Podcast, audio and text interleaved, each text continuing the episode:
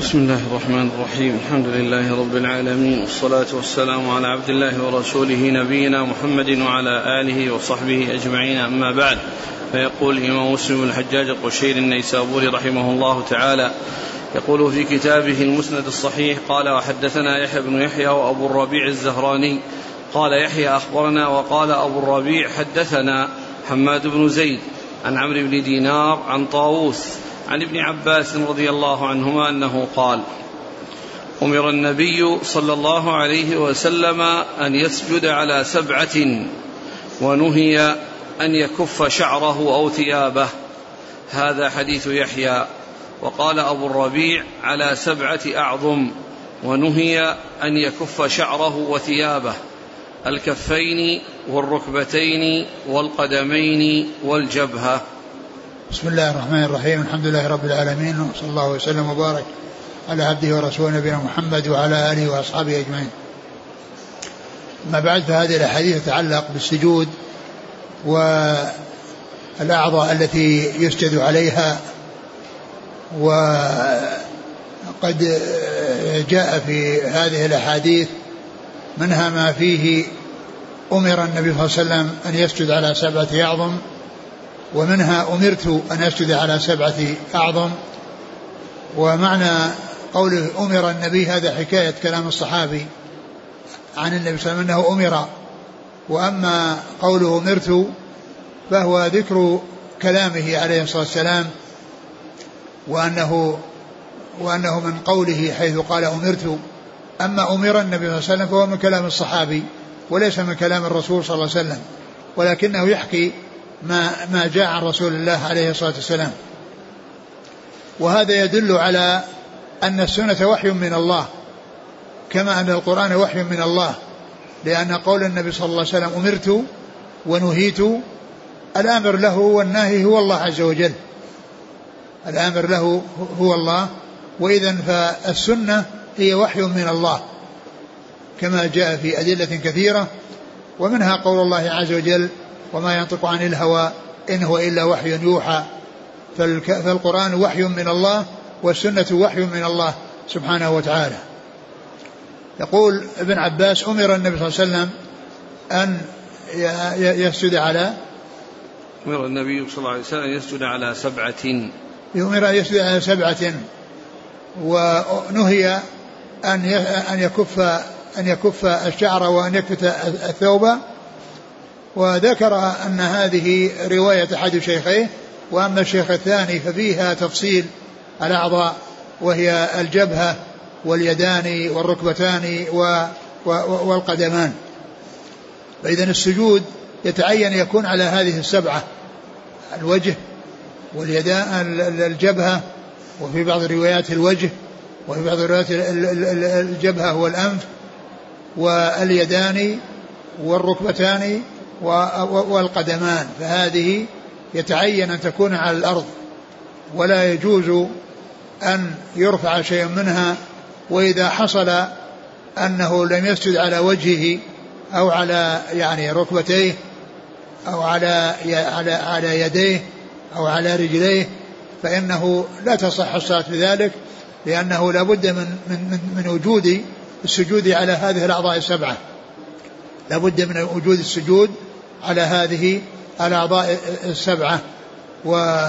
وفيه ذكر الأمر والنهي وأنه نهي أن يكف يعني شعرا يعني معناه أنه يعني يتركه أنه يؤخره عن هيئته التي عليها من جهة الأمام. يعني لا يتركه على هيئته بحيث يسجد على شعره الذي هو مقدم رأسه وكذلك لا يكفت الثوب بمعنى أنه لا يعني يشمر يعني بحيث يجعل آه، آه، كميه يعني مكفوفين أو كذلك ثوبه يعني يكون يعني مرفوعا وإنما يتركه كما هو يترك آه، يديه أو كميه ويترك ثيابه على ما هي مستوصلة فلا يفعل شيئا في ذلك من أجل الصلاة. أعيد الحديث متن؟ أمر النبي صلى الله عليه وسلم أن يسجد على سبعة ونهي أن يكف شعره وثياب أو ثيابه. نعم. هذا حديث يحيى وقال أبو الربيع على سبعة أعظم. ونهي أن يكف شعره وثيابه. الكفين والركبتين والقدمين والجبهة. نعم. قال حدثنا يحيى بن يحيى وأبو الربيع الزهراني. هو هو سليمان بن داود. نعم هو أبو سليمان بن داود. نعم. عن حماد بن زيد عن عمرو بن دينار عن طاووس عن ابن عباس. طاووس بن كيسان. نعم. قال حدثنا محمد بن بشار قال حدثنا محمد وهو ابن جعفر قال حدثنا شعبة عن عمرو بن دينار عن طاووس عن ابن عباس عن النبي صلى الله عليه وسلم قال أمرت أن أسجد على سبعة أعظم ولا أكف ثوبا ولا شعرا. وهذا مثل الذي قبله فيه الأمر بأنه أمر بأن يسجد على سبعة أعظم ولا يكف شعرا ولا ثوبا. فهو مثل الذي قبله إلا أنه مختصر. نعم. قال حدثنا محمد بن بشار عن محمد وهو ابن جعفر عن شعبة عن عمرو بن دينار عن طاووس عن ابن عباس. نعم. قال حدثنا عمرو الناقد قال حدثنا سفيان بن عيينة عن ابن طاووس عن أبيه. عن ابن عباس رضي الله عنهما أمر النبي صلى الله عليه وسلم أن يسجد على سبع ونهي أن يكفت الشعر والثياب. وهذا مثل الذي قبله. قال حدثنا عمرو الناقد عن سفيان بن عيينة عن ابن طاووس. عبد الله بن طاووس. قال حدثنا محمد بن حاتم قال حدثنا بهز قال حدثنا وهيب قال حدثنا عبد الله بن طاووس عن طاووس عن ابن عباس رضي الله عنهما أن رسول الله صلى الله عليه وسلم قال أمرت أن أسجد على سبعة أعظم الجبهة وأشار بيده على أنفه واليدين والرجلين وأطراف القدمين ولا نكفت الثياب ولا الشعر. ثم ذكر هذا الحديث عن عباس وهو مثل الذي قبله وفيه زيادة الإشارة إلى الأنف وأنه قال جبهته وأشار إلى أنفه يعني مع أنفه. أو معها أنفه. نعم. قال حدثنا محمد بن حاتم عن بهز بن أسد. عن وهيب بن خالد. عن عبد الله بن طاووس عن أبيه عن ابن عباس. نعم. قال حدثنا أبو الطاهر. قال أخبرنا عبد الله بن وهب. قال حدثني ابن جريج عن عبد الله بن طاووس عن أبيه عن عبد الله بن عباس رضي الله عنهما أن رسول الله صلى الله عليه وسلم قال أمرت أن أسجد على سبع ولا أكفت الشعر ولا الثياب الجبهة والأنف واليدين والركبتين والقدمين. ثم ذكر الحديث بطريقة أخرى وهو مثل ما تقدم إلا أن فيه ذكر الجبهة والأنف. ذكر الجبهة والأنف هناك ذكر الجبهة وأشار الأنف وهنا ذكر الجبهة والأنف يعني أنهما معا يعني يسجد عليهما. نعم. قال حدثنا أبو الطاهر. أحمد بن سرح عن عبد الله بن وهب عن ابن جريج. عبد الملك بن عبد العزيز بن جريج. قال حدثنا عمرو بن سواد العامري. قال أخبرنا عبد الله بن وهب. قال أخبرنا عمرو بن الحارث أن بكيرا حدثه أن كريبا مولى ابن عباس حدثه عن عبد الله بن عباس أنه رأى عبد الله بن الحارث رضي الله عنه يصلي ورأسه معقوص من ورائه فقام فجعل يحله. فلما انصرف أقبل إلى ابن عباس فقال ما لك ورأسي؟ فقال إني سمعت رسول الله صلى الله عليه وسلم يقول إنما مثل هذا مثل الذي يصلي وهو مكتوف. ثم ذكر هذا الحديث عن ابن عباس وهو أنه رأى عبد الله بن حارث آه، يصلي ورأسه معقوص فجعل ابن عباس يحله وهو في الصلاة. يعني عبد الله بن حارث في الصلاة وابن عباس يحله وهو في الصلاة. ولما فرغ من صلاته أي عبد الله بن حارث قال ما لك ولرأسي؟ قال يعني سمعت رسول الله صلى الله عليه وسلم يقول إن من يصلي ورأسه معقوس إنما مثل هذا مثل الذي يصلي وهو مكتوف إن مثل إنما مثل هذا مثل الذي يصلي وهو مكتوف يعني المكتوف معلوم أنه لا يتمكن من السجود من السجود على يديه. لأنه لا لكونه مكتوف يعني يداه قد ضمتا إلى ظهره فلا يستطيع أن أن يسجد على يديه. فهذا يعني معناه أنه لا يسجد على شعره أو ما استرسل من شعره أو الأمام من شعره فلا يعني يزيله أو يذهب به يعني إلى الخلف وإنما يتركه هذا الأمام يسجد يعني مع جبهته الشعر الذي متصل من جهة الجبهة فإنه يترك ويسجد الإنسان عليه ولا ولا يكبته ومعنى ولا يكفه. ومعنى ذلك أن الإنسان يعني يصلي يعني على في وشعره مسترسل أمامه ولا يكفه إلى الخلف. ومثل من يفعل ذلك كالذي يصلي وهو مكتوف اليدين جعلتا وراء ظهره فلا يستطيع أن يسجد. يعني من لا يحصل, لا يحصل منه السجود على كل ما يراد منه السجود عليه. نعم. قال حدثنا عمرو بن سواد العامري عن عبد الله بن وهب عن عمرو بن الحارث عن بكير. بكير بن عبد الله بن الأشج. عن كريب وهؤلاء الأربعة اللي في آخر الإسناد مصريون. مصريون. هؤلاء الأربعة اللي في آخر الإسناد مصريون. نعم. عن كريب عن ابن عباس. نعم. يقول هل من السجود على القدمين أن يضع كل بطون الأصابع على الأرض؟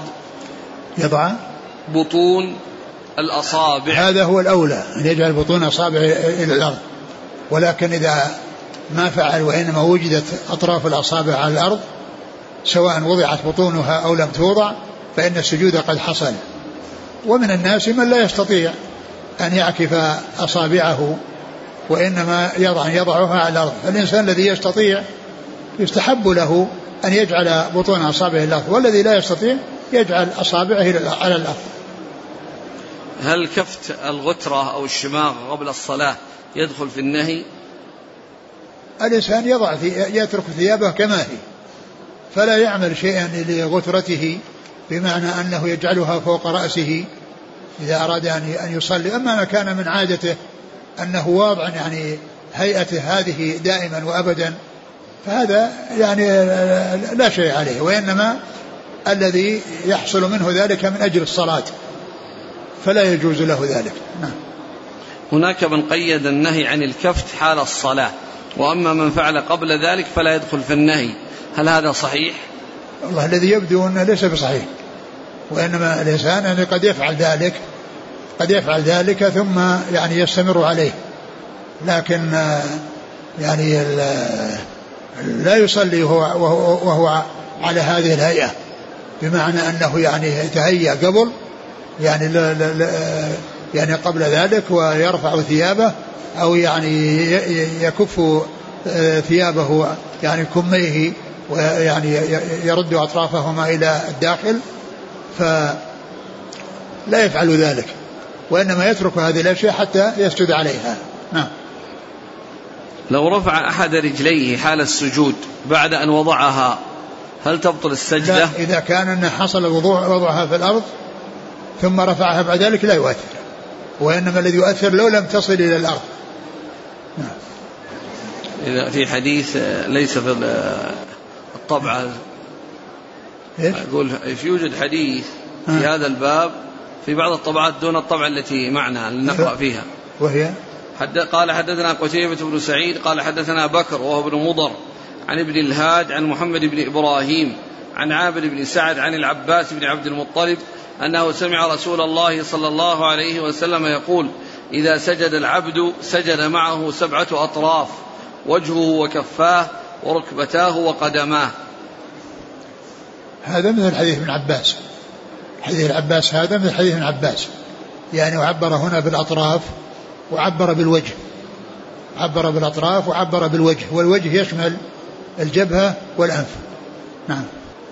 قال حدثنا قتيبة بن سعيد عن بكر وابن مضر عن ابن الهاد. ابن الهاد هو يزيد بن عبد الله بن أسامة ابن الهاد. عن محمد بن إبراهيم نعم. عن عامر بن سعد نعم. عن العباس بن عبد المطلب. نعم. قال رحمه الله تعالى حدثنا أبو بكر بن أبي شيبة قال حدثنا وكيع عن شعبة عن قتادة عن أنس رضي الله عنه أنه قال قال رسول الله صلى الله عليه وسلم اعتدلوا في السجود ولا يبسط أحدكم ذراعيه بساط الكلب.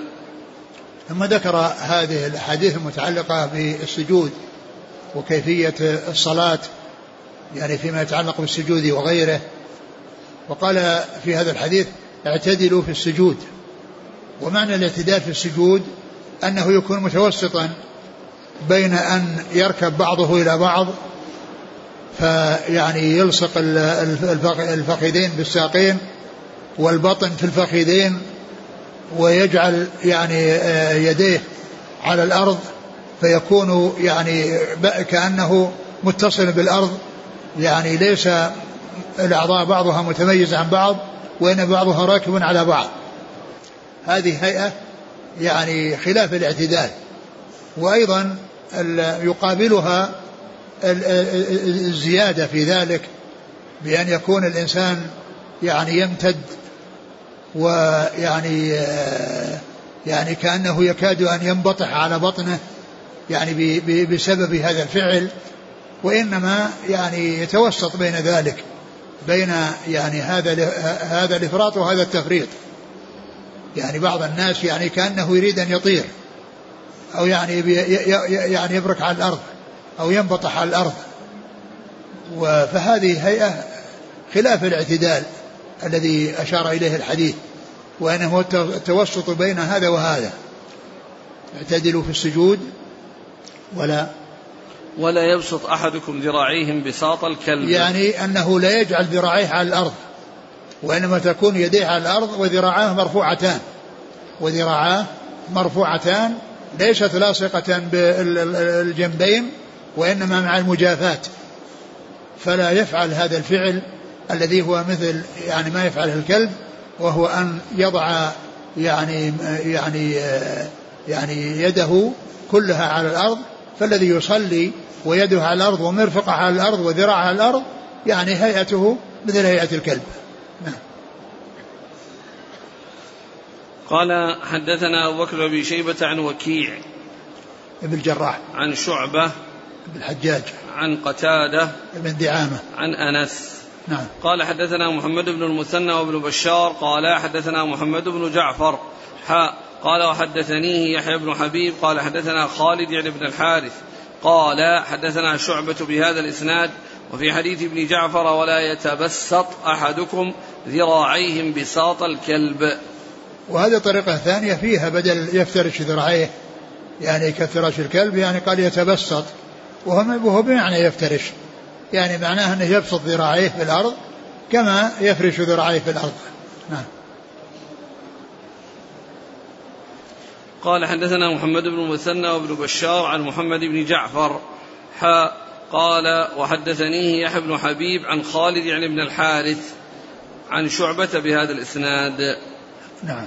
قال حدثنا يحيى بن يحيى قال أخبرنا عبيد الله بن, زي بن إياد عن إياد عن البراء رضي الله عنه أنه قال قال رسول الله صلى الله عليه وسلم إذا سجدت فضع كفيك وارفع مرفقيك.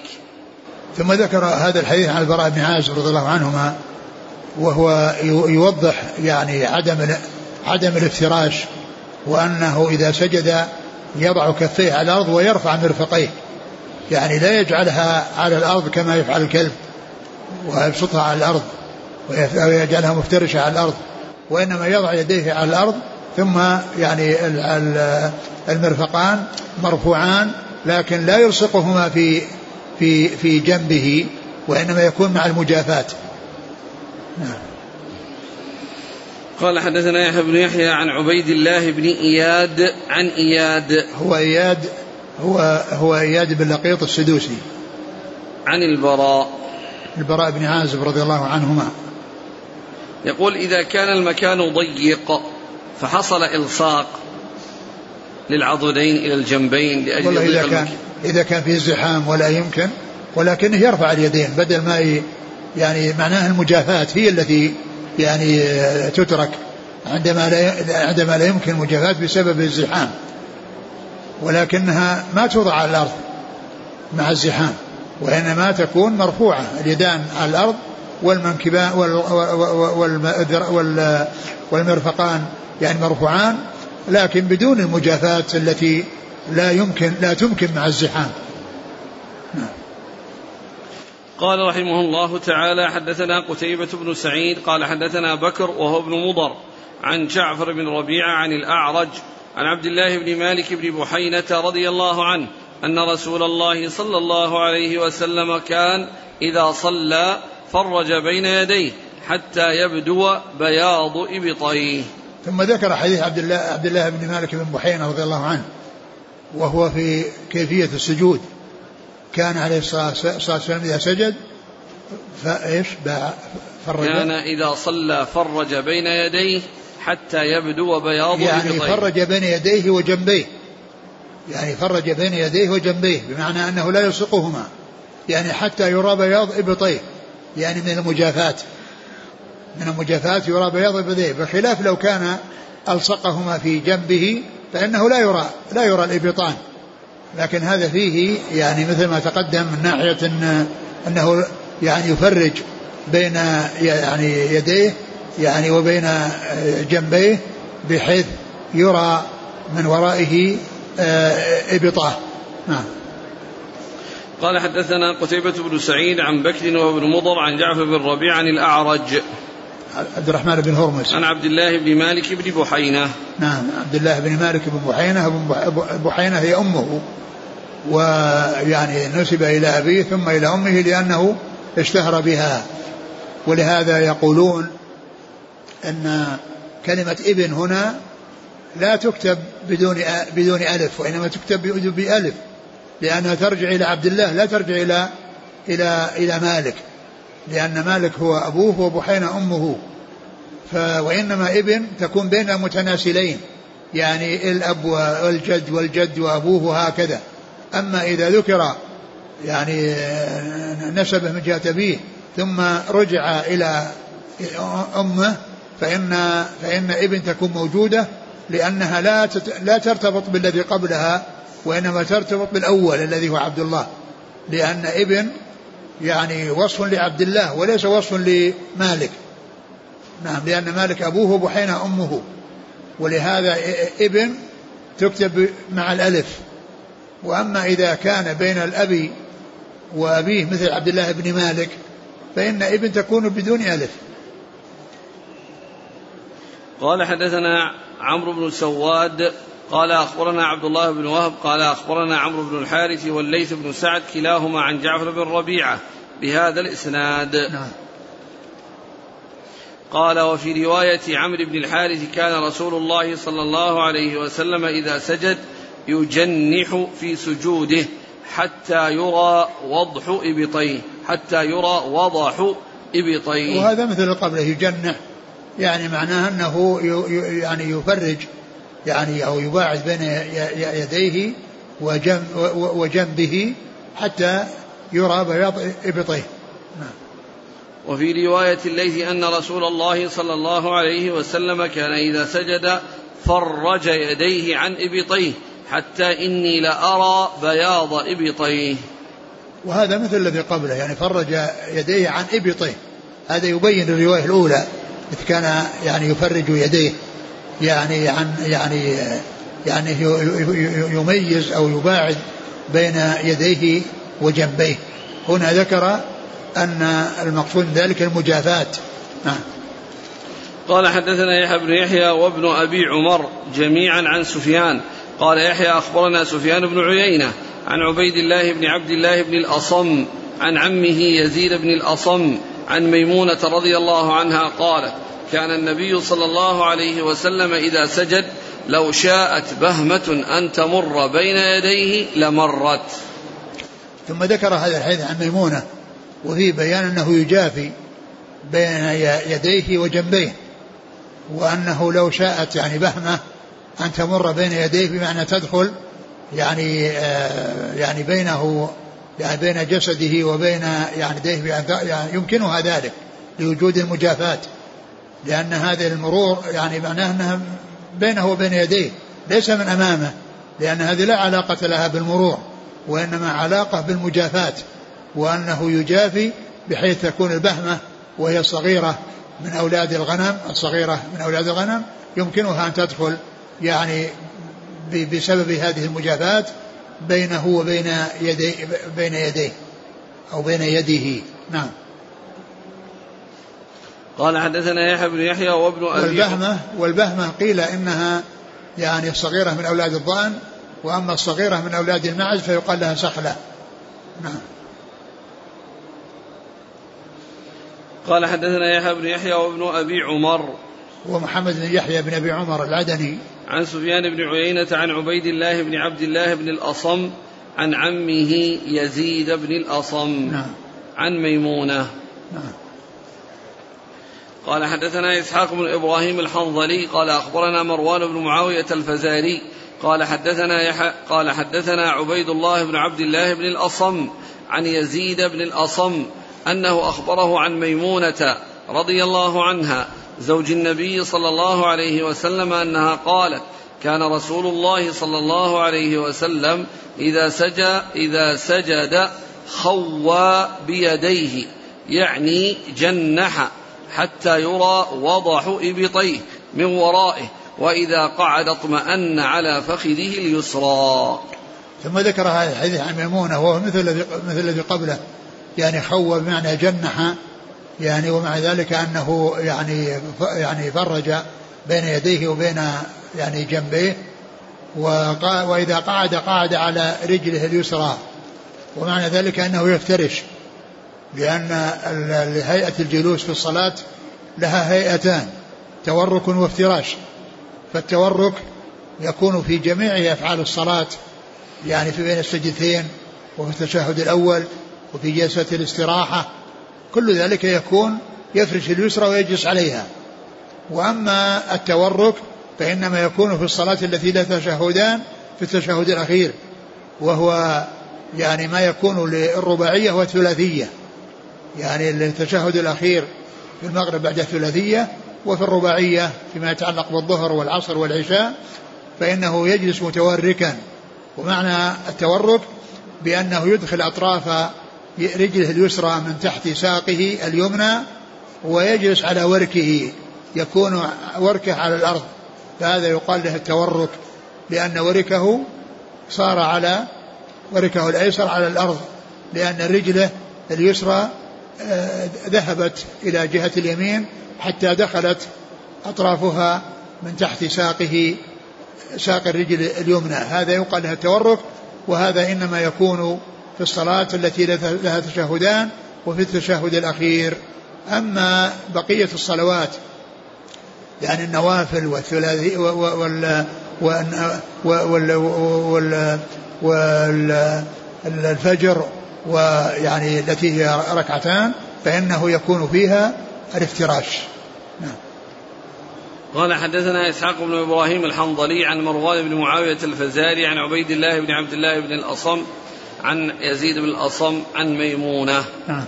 قال حدثنا أبو بكر بن أبي شيبة وعمر الناقد وزهير بن حرب وإسحاق بن إبراهيم واللفظ لعمرو. قال إسحاق أخبرنا وقال الآخرون حدثنا وكيع.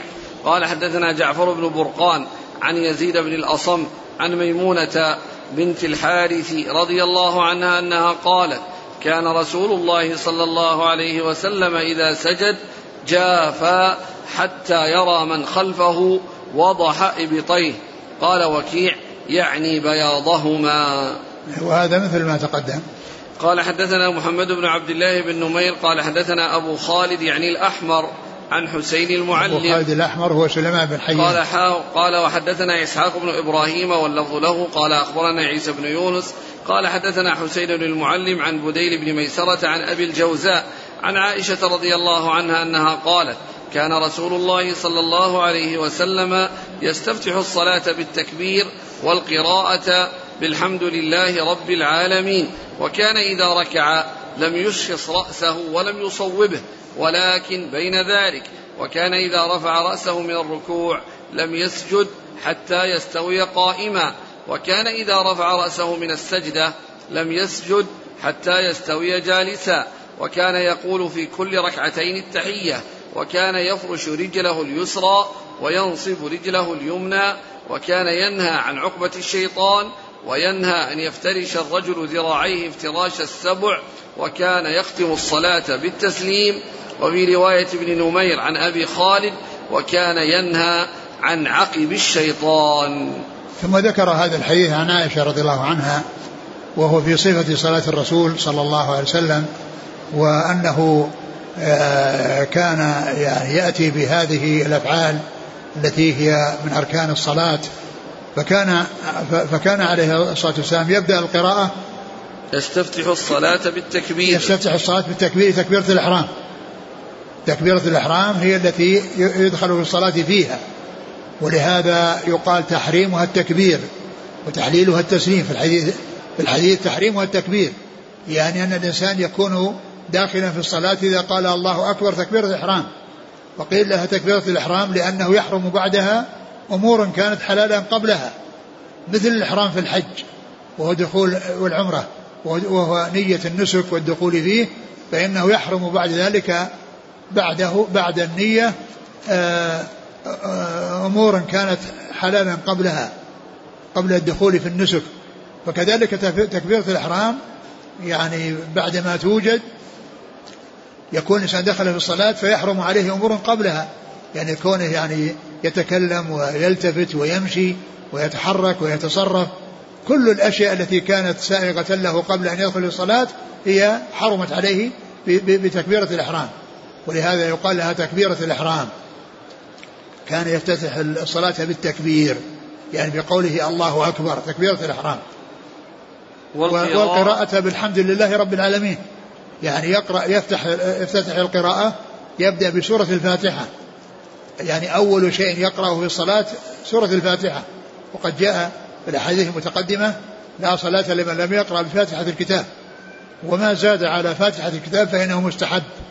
وليس بواجب والقراءة بالحمد لله رب العالمين يعني على سبيل الحكاية بالحمد يعني مرفوعة على الحكاية.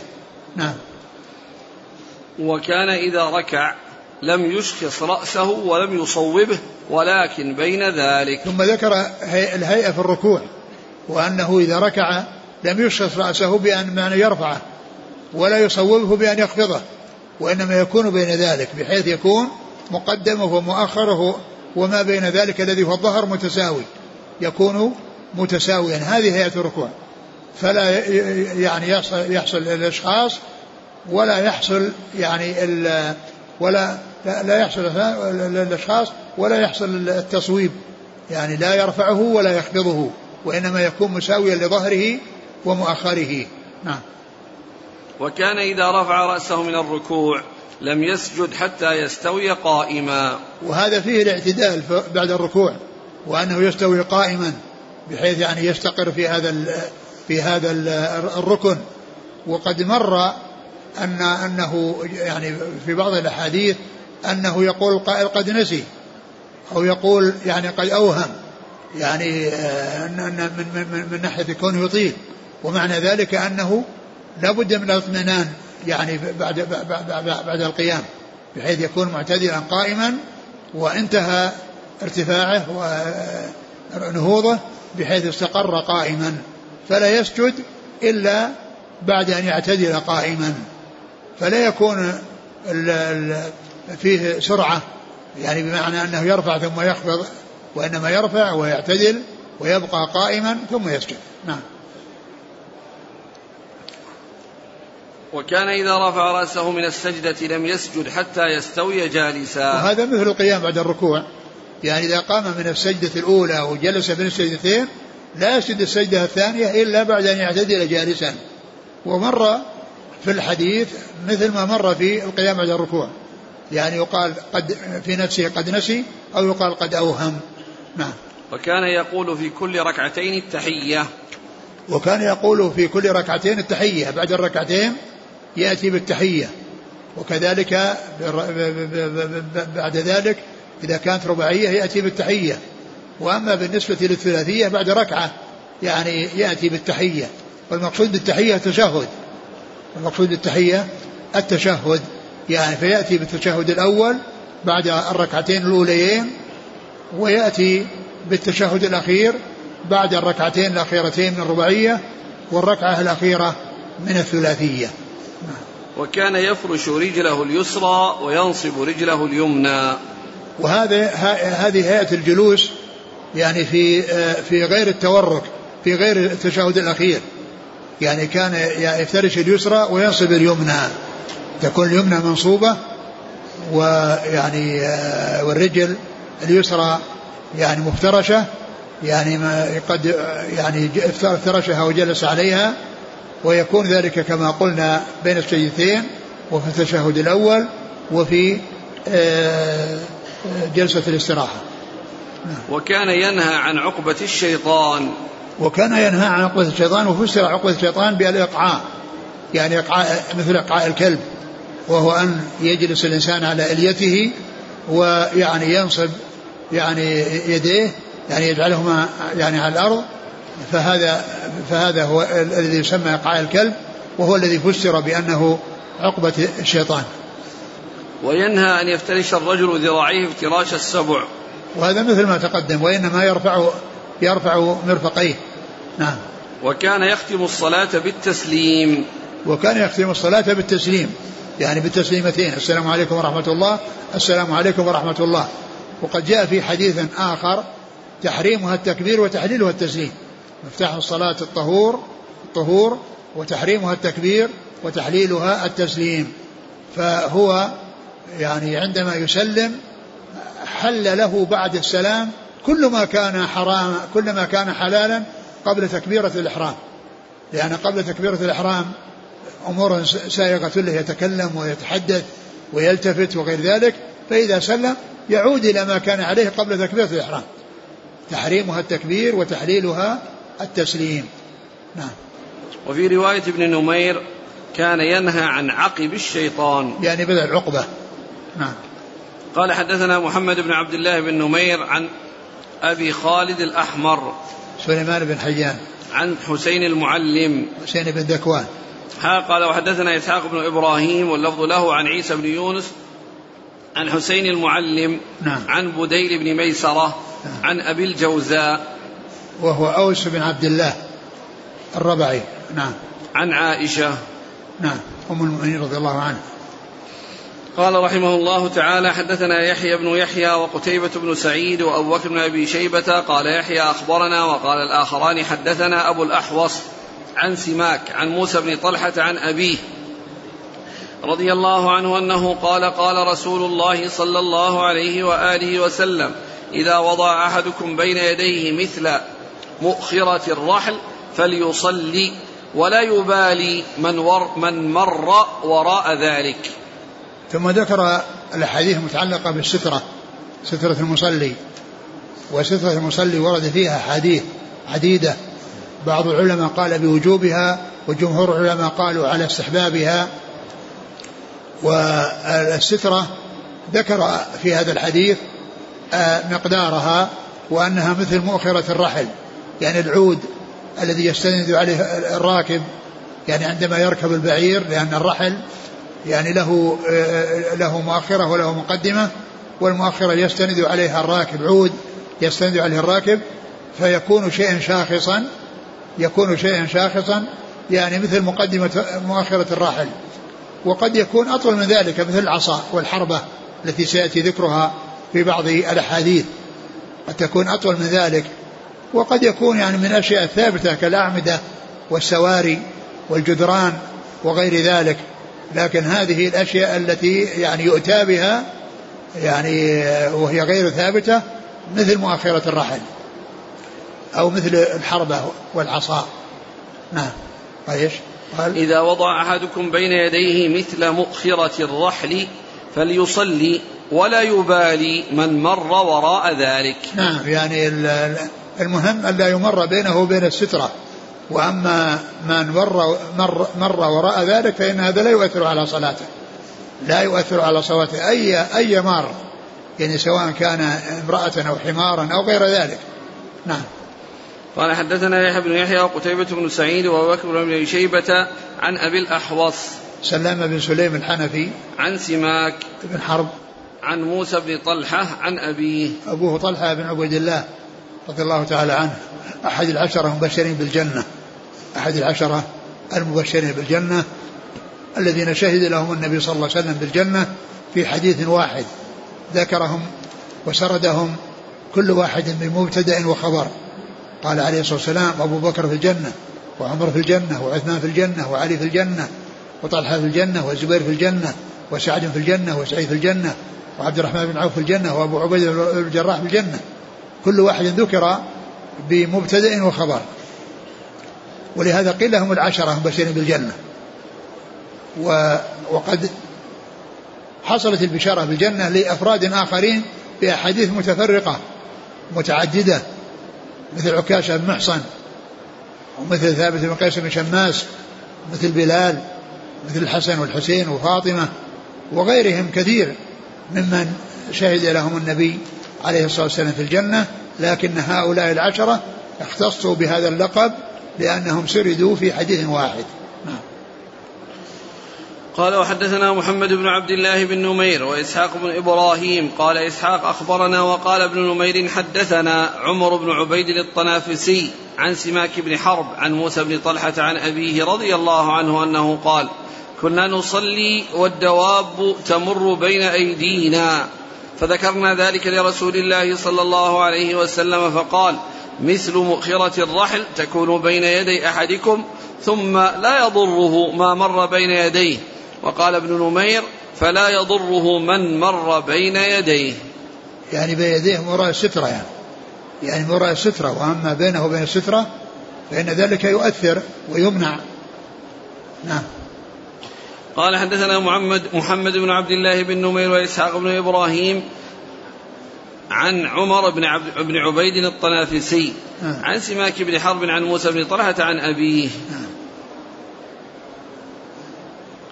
قال حدثنا زهير بن حرب قال حدثنا عبد الله بن يزيد قال أخبرنا سعيد بن أبي أيوب عن أبي الأسود عن عروة عن عائشة رضي الله عنها أنها قالت سئل رسول الله صلى الله عليه وسلم عن سترة المصلي فقال مثل مؤخرة الرحل. ثم ذكر هذا الحديث عن عائشة وأن النبي صلى الله عليه وسلم لما سئل عن سترة المصلي قال مثل مؤخرة الرحل. وهو مثل ما تقدم في حديث طلحة بن عبيد الله رضي الله تعالى عنه. قال حدثنا زهير بن حرب عن عبد الله بن يزيد عن سعيد بن أبي أيوب عن أبي الأسود. وهو محمد بن عبد الرحمن النوفلي يتيم عروة.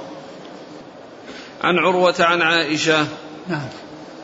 قال حدثنا محمد بن عبد الله بن نمير قال حدثنا عبد الله بن يزيد قال أخبرنا حيوة عن أبي الأسود محمد بن عبد الرحمن عن عروة عن عائشة رضي الله عنها أن رسول الله صلى الله عليه وسلم سئل في غزوة تبوك عن سترة المصلي فقال كمؤخرة الرحل.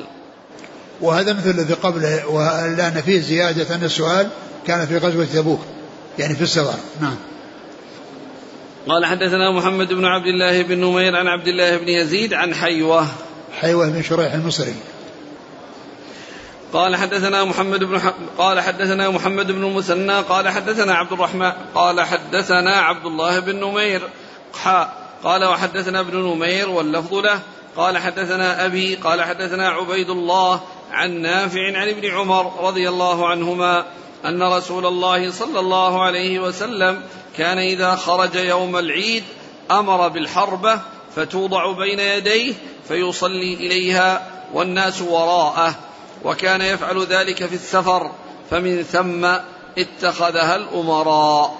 ثم ذكر هذا الحديث عن ابن عمر رضي الله تعالى عنهما وأن النبي صلى الله عليه وسلم كان يوم العيد يؤخذ معه حربة فتغرز في الأرض والحربة هي العصا التي في فيها حديدة. يعني هذا الحديد تثبت في الأرض وتغاص في الأرض فيجعلها سترة له. في يعني فيتخذها يوم العيد يعني بالمصلى وتغرز له ويصلي إليها. وكذلك يستعملها في السفر لأنها سترة متنقلة. يعني عصا فيها حديدة يعني إذا غرزت في الأرض غاصت بها وبقيت قائمة فيعني يتخذها سترة. نعم. قال حدثنا محمد بن مثنى عن عن عبد الله بن نمير حا قال حدثنا ابن نمير واللفظ له عن أبيه عن عبيد الله. عبيد الله بن عمر العمري المصغر. عن نافع عن ابن عمر. نعم. قال حدثنا أبو بكر بن أبي شيبة وابن نمير قال حدثنا محمد بن بشر قال حدثنا عبيد الله عن نافع عن ابن عمر رضي الله عنهما أن النبي صلى الله عليه وسلم كان يركز وقال أبو بكر يغرز العنزة ويصلي إليها. زاد ابن أبي شيبة قال عبيد الله وهي الحربة. ثم ذكر هذا الحديث من طريقة أخرى وفيه أنه كان يغرز العنزة والعنزة هي العصا اللي فيها فيها أسفلها حديدة فكان يغرزها في الأرض ويصلي إليها وهو مثل الذي مثل الذي قبله. نعم. قال حدثنا أحمد بن حنبل قال حدثنا معتمر بن سليمان عن عبيد الله عن نافع عن ابن عمر رضي الله عنهما أن النبي صلى الله عليه وسلم كان يعرض راحلته وهو يصلي إليها. ثم ذكر هذا الحديث وأن النبي صلى الله عليه وسلم كان أحيانا يتخذ الناقة وهي باركة معترضة بينه وبين القبلة فإنه يصلي إليها يصلي إليها.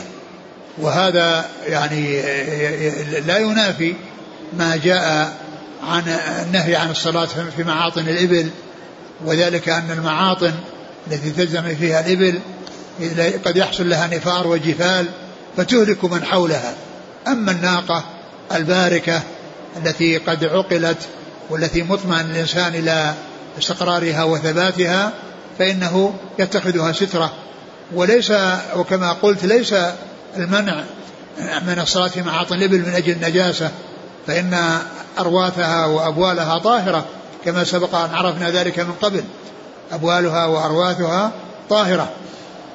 وإنما المقصود من ذلك خشية جفالها ويعني اتلافها لمن يكون حولها يصلي أو تشوش عليه في صلاته أو تجعله يقطع صلاته وما إلى ذلك. لا أن الأرض نجسة بسبب أبوالها وأرواثها فليست بنجسة بل هي طاهرة. نعم. قال حدثنا أبو بكر بن أبي شيبة وابن نمير قال حدثنا أبو خالد الأحمر عن عبيد الله عن نافع عن ابن عمر رضي الله عنهما أن النبي صلى الله عليه وآله وسلم كان يصلي إلى راحلته وقال ابن نمير إن النبي صلى الله عليه وسلم صلى إلى بعير. ثم ذكر هذا الحديث ومثل الذي قبله.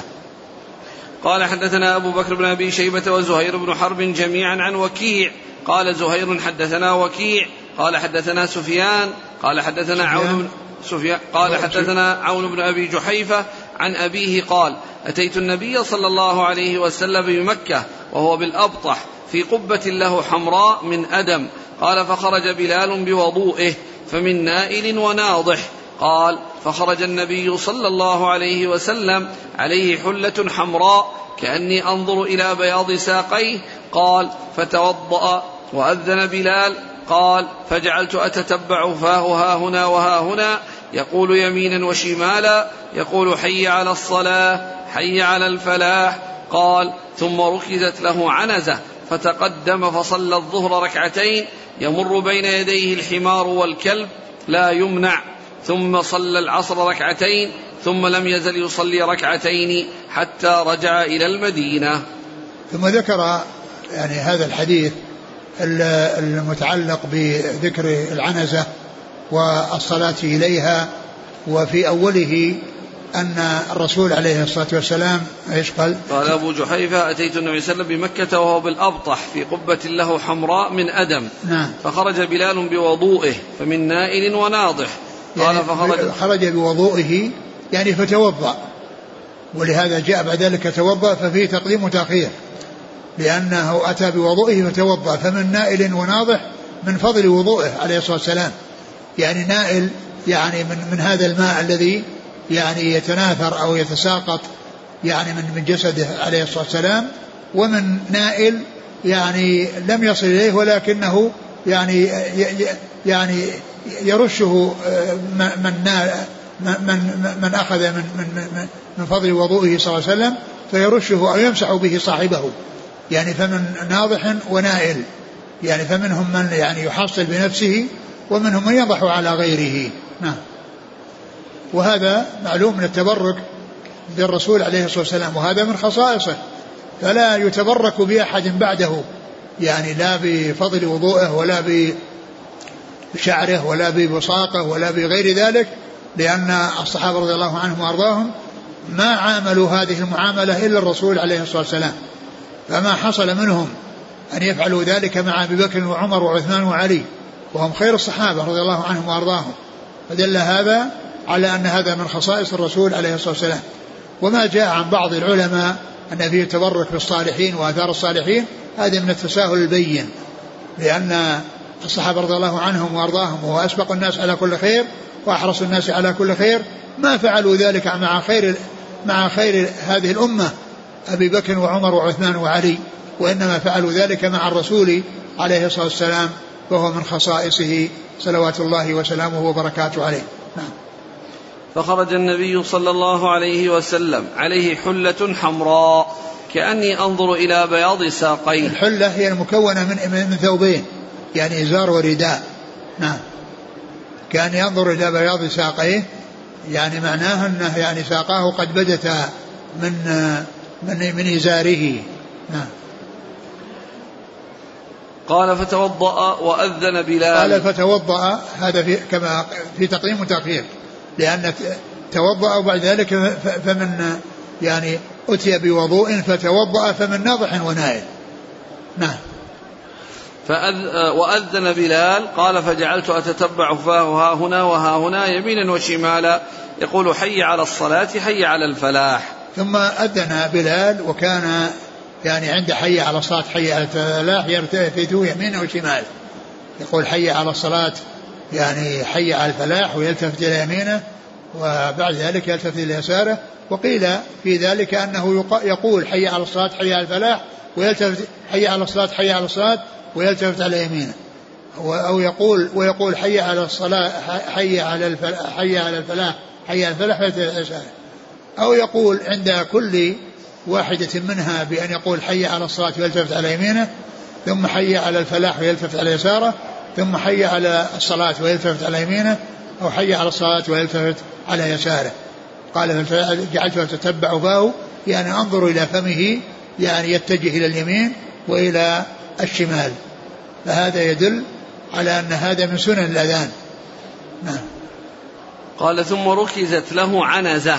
فتقدم فصلى الظهر ركعتين. وهذا محل الشاهد من إيراد الحديث في هذا الباب الذي هو باب السترة ركزت له عنزة يعني غرزت في الأرض وهي العصا التي في آخرها حديدة فصلى إليها وتقدم وصلى إليها. نعم. قال يمر بين يديه الحمار والكلب لا يمنع. يعني بين يديه يعني وراء السترة. من وراء العنزة. نعم. ثم صلى العصر ركعتين ثم لم يزل يصلي ركعتين حتى رجع إلى المدينة. نعم. قال حدثنا أبو بكر بن أبي شيبة وزهير بن حرب عن وكيع نعم. عن سفيان الثوري. عن عون بن أبي عون بن أبي جحيفة نعم. عن أبي جحيفة. أبو جحيفة وهب بن عبد الله السوائي رضي الله عنه. الالتفات في الحيالتين مشروع. وقد جاءت به السنة عن رسول الله عليه الصلاة والسلام.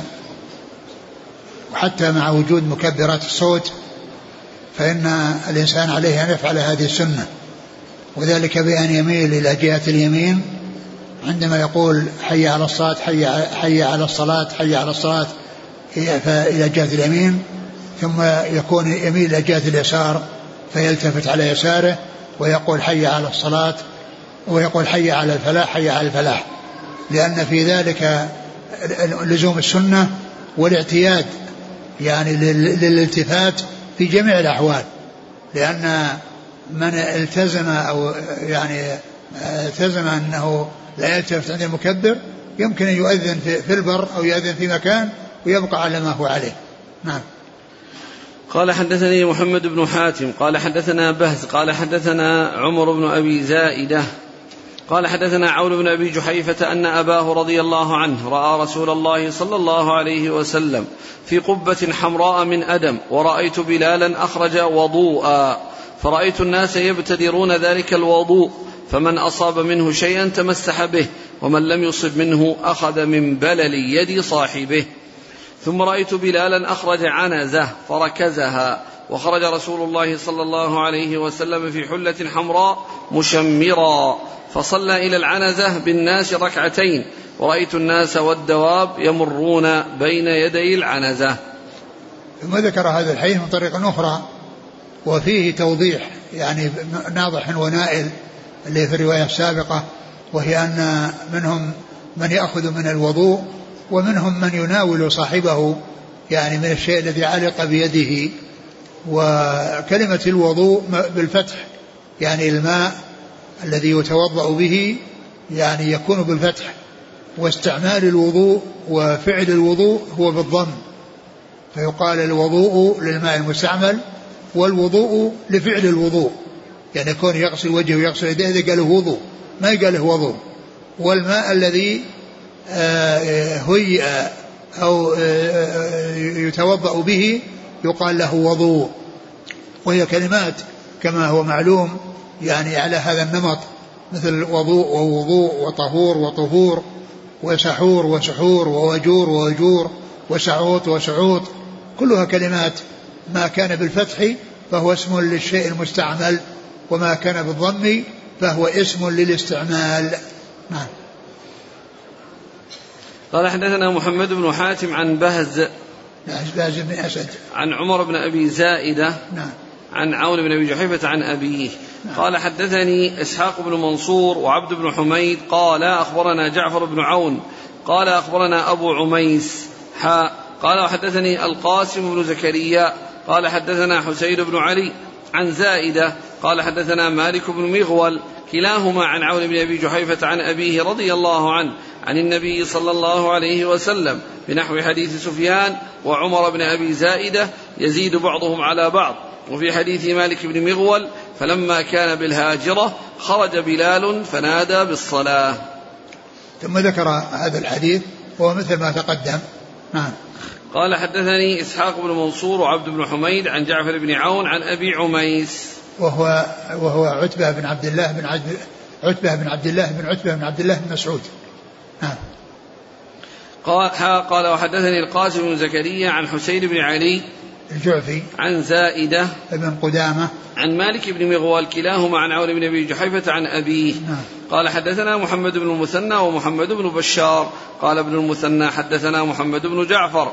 قال حدثنا شعبة عن الحكم. قال سمعت أبا جحيفة رضي الله عنه قال خرج رسول الله صلى الله عليه وسلم بالهاجرة إلى البطحاء فتوضأ فصلى الظهر ركعتين والعصر ركعتين وبين يديه عنزة. قال شعبة وزاد فيه عون عن أبيه أبي جحيفة وكان يمر من ورائها المرأة والحمار. ثم ذكر حديث أبي جحيفة رضي الله عنه وهو مثل ما تقدم والهاجرة هي الظهر يعني وقت صلاة الظهر فصلى الظهر ركعتين والعصر ركعتين ووضع له عنزة وهذا محل الشاهد فكان يمر من ورائها ما, ما من يمر أو ما يمر ولم ولا يؤثر ذلك يعني شيئا لأن السترة المهم أن لا يأتي بأحد بينه وبين سترته أما المرور وراءها فإن ذلك لا بأس به سواء كان امرأة أو حمارا أو غير ذلك. قال وحدثني زهير بن حرب ومحمد بن حاتم قال حدثنا ابن مهدي قال حدثنا شعبة بالإسنادين جميعا مثله. وزاد في حديث الحكم فجعل الناس يأخذون من فضل وضوئه. نعم. قال وحدثني زهير بن حرب ومحمد بن حاتم عن ابن مهدي. عبد الرحمن بن مهدي. قال مثل حديث في حديث الحكم. الحكم بن عتيبة. قال حدثنا يحيى بن يحيى قال قرأت على مالك عن ابن شهاب عن عبيد الله بن عبد الله عن ابن عباس رضي الله عنهما قال أقبلت راكبا على أتان. وأنا يومئذ قد ناهزت الاحتلام. ورسول الله صلى الله عليه وسلم يصلي بالناس بمنى فمررت بين يدي الصف فنزلت فأرسلت الأتان ترتع ودخلت في الصف فلم ينكر ذلك علي أحد. وهذا الحديث عن ابن عباس يعني في حجة الوداع أنه كان جاء على حمار أتان يعني أنثى. الأتان هي أنثى الحمار. فجاء راكبا عليها والرسول صلى الله عليه وسلم يصلي بالناس حتى صار يعني أمام الصف أو قدام بعض الصف فنزل ودخل في الصف وذهبت الأتان ترتع ولم ينكر عليه أحد. وذلك أن سترة الإمام سترة للمأمومين. المهم أن لا يمر بين مأموم الإمام وسترته. أما المرور بين المأمومين أو أمام الصف الأول أو بين الصف الأول فإن ذلك لا يؤثر لأن الإمام لأن سترة الإمام سترة لمن وراءه. ولهذا المشي بين الصفوف إذا كان لحاجة من أجل الإنسان يبحث عن مكان فإن ذلك لا يؤثر ولا يمنع من يمر. وإنما المنع لصاحب السترة الذي هو الإمام أو من يصلي وحده وله سترة فإنه يعني يمر يمنع من يمر بين يديه.